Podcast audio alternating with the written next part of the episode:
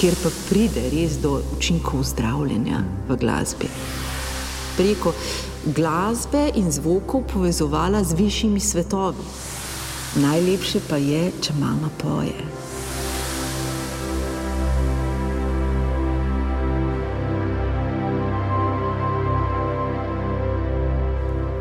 Lepo pozdravljeni, ljubitelji oddaje Sov in Luč, v kateri bomo danes slišali še tretje, zadnje nadaljevanje pogovora o učinkih glasbe na človeka in o njeni moči zdravljenja.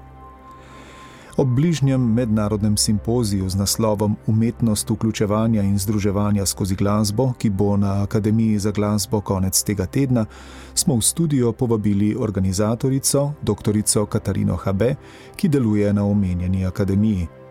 Doktorirala je iz psihologije, svoje strokovno delo pa usmerja na področje vpliva glasbe na človeka.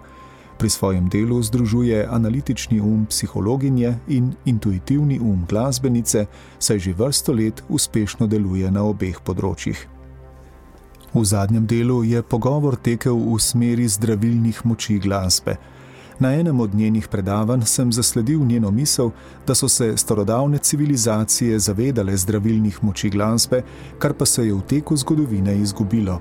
Danes pa sodobna neuroznanost to spet odkriva. Kaj potrjujejo raziskave?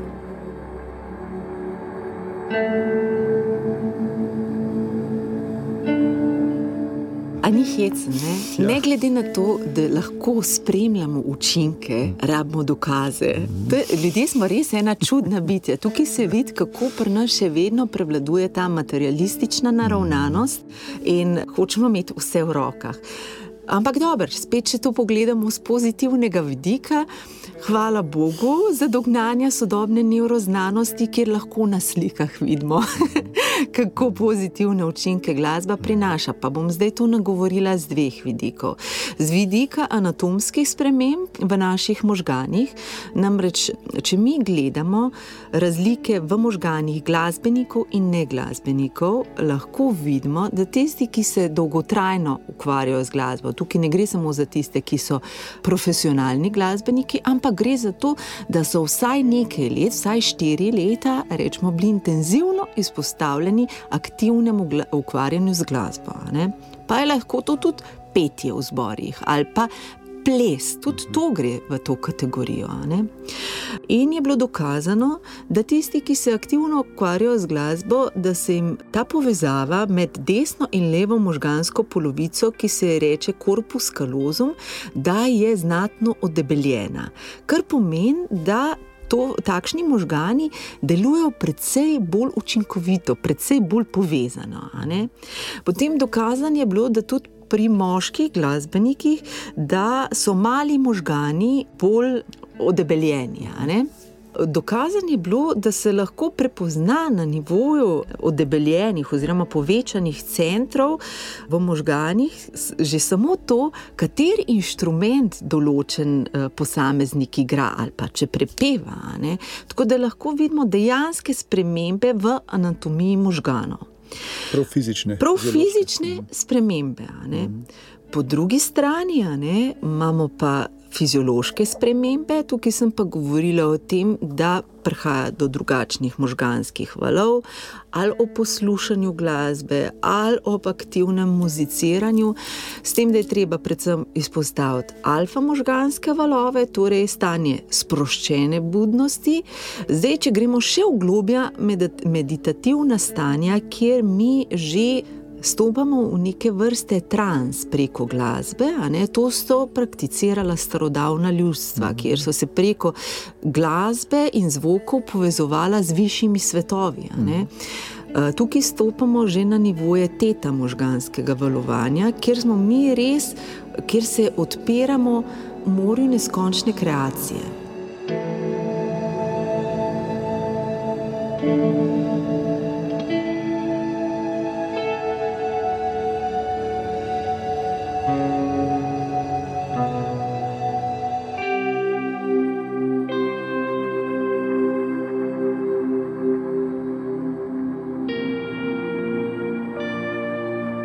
Pri alfa gremo uh, v počasnejše možganske valove, amplitude so če dalje če ja. dalje večje. Ja.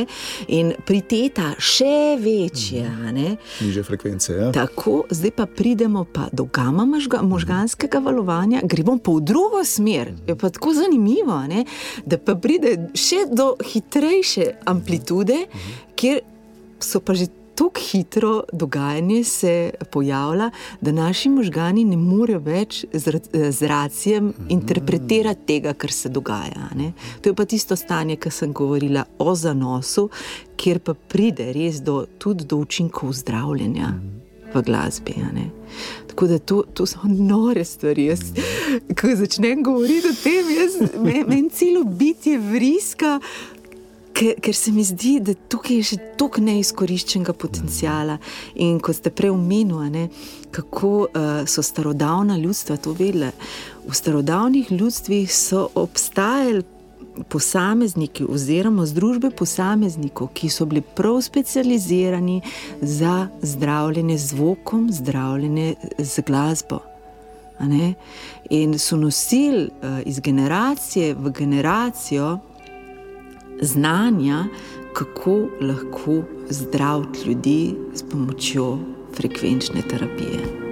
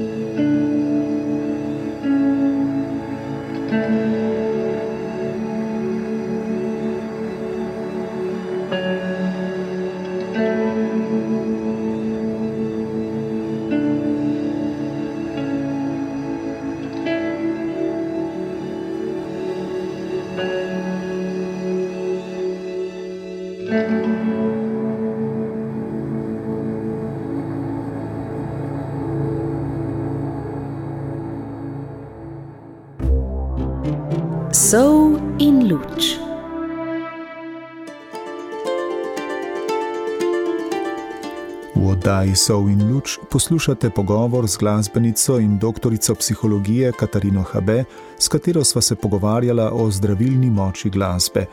Čisto ob koncu sem jo vprašal še o najrosnejšem obdobju, saj veliko krat vidimo zelo simpatične slike mladih nosečnic, ki na trebuh prislonijo slušalke. Pri še, tem moramo ja. biti zelo previdni, to zmeri opozarjam, ker mi zmeri vzamemo tako tisto, kar vidimo, pa pa ja. dajmo to nasplošno izvajati. Ja. Treba je vedeti, da ko je bitje ja. še v trebuhu, je precej bolj dojemljivo za zvoke in te zvoki se glasneje širijo, kot uh, ko se mi rodimo. Tako da to ni kar tako za uporabljati, ne? to je treba uporabljati uh, pod vodstvom nekoga, ki je specializiran na tem področju. Rečemo, tomatis metoda je prav specializirana za to področje, kjer se regulira jakost zvoka in regulirajo se tudi frekvence, s pomočjo katerih želimo mi stimulirati določeno področje. Eh, razvoja pri nerojenem otroku. Še, ne? Tako da to ne gre kar tako, da bomo zdaj, tako kar nasplošno, da kar uh, uporabimo glasbo. Ok, glasba ima pač pozitivne učinke, da jo uporabljamo. Tudi če v šolskem okolju uporabljamo, mi moramo vedeti, za, ne, za nekoga bo glasba delovala kot distraktor ne? in bo motila. Njegov intelektualni proces, in moramo vedeti, kdaj glasbo uporabiti, na kakšen način jo uporabiti. Katero zvrst mm. glasbo uporabiti, to ni kar tako, da bomo zdaj uh, podvrgli učence temu, ah, zdaj boste pa vsi, ki rešujete matematične naloge, boste pa to poslušali. Mm. To se nam reč dela. Uh, mm. Zelo dobro, namerno, strani učiteljev, vendar to ne gre tako. Ne? Pokazalo se je, da če želimo mi stimulirati naše možgane, da je predvsej bolj učinkovito, da uporabimo glasbo pred ne, neko aktivnostjo intelektualno, kot da bi na, na nek način se možgani uh -huh. uh, razgibali uh -huh. in bili bolj pripravljeni bolj učinkovito delovati uh -huh. pri reševanju. Če pa že uporabljamo glasbo, simultano z določenimi dejavnostmi, mora biti pa to, to tako tiho, da je kot neko zvočno ozadje, da mora biti nujno instrumentalna glasba ali ambientalna glasba. Še boljš pa je, jaz to uporabljam pri svojih glasbenikih, ker so zelo senzibilni. Da uporabljam alfa brainwave music, ne, ki stimulira možgansko valovanje za stanje sproščene budnosti, takrat, ko je naša pozornost naj, na najvišji ravni. Je pa zelo ponavljajoča se, ne? tako da ne deluje kot distraktor, deluje kot nek beli šum, neposredno na fiziološko procesiranje. Da, pa so to še slišne frekvence? To so še slišne so, frekvence. Ja, to so še slišne frekvence. Ampak, če greva nazaj, čisto na praktično, če dava navodilo uh, mladim mamicam, mm. oziroma mm. bodočim mamicam, če rečeva, da pa pol ure ene baročne, prijetne glasbe ali pa enega Mozarta pa lahko predpiševa. Zagotovo lahko, s tem, da je treba povdariti, da ne slušalkami mm -hmm. na mhm. trebuh, mm -hmm. samo če nas pri tem vodi nek mm -hmm. strokovnjak strokovnjaka. Ne? Sicer pa kakršna koli zvočna stimulacija s uh, temi univerzalnimi uh, glasbenimi eh, zvrstmi, ki sem jih že prej navedla, je seveda zelo pozitivno stimulirajoča. Uh, najlepše pa je, če mama poje. Če mama poje, ker to pomeni, da ne samo, da prihajajo zvoki nekje od zunaj, ampak dejansko prihajajo te vibracije preko maminga telesa še intenzivneje, ali pa če mama igra kakšen inštrument. Eh, spet stopamo na nivo odnosnega vidika. Otrok začuti, intuitivno začuti, kdaj je mama povezana z drugimi, kdaj se dobro počuti, kdaj je sama v nekem sozvočju. Ne? Tako da vse to moramo vzeti v obzir.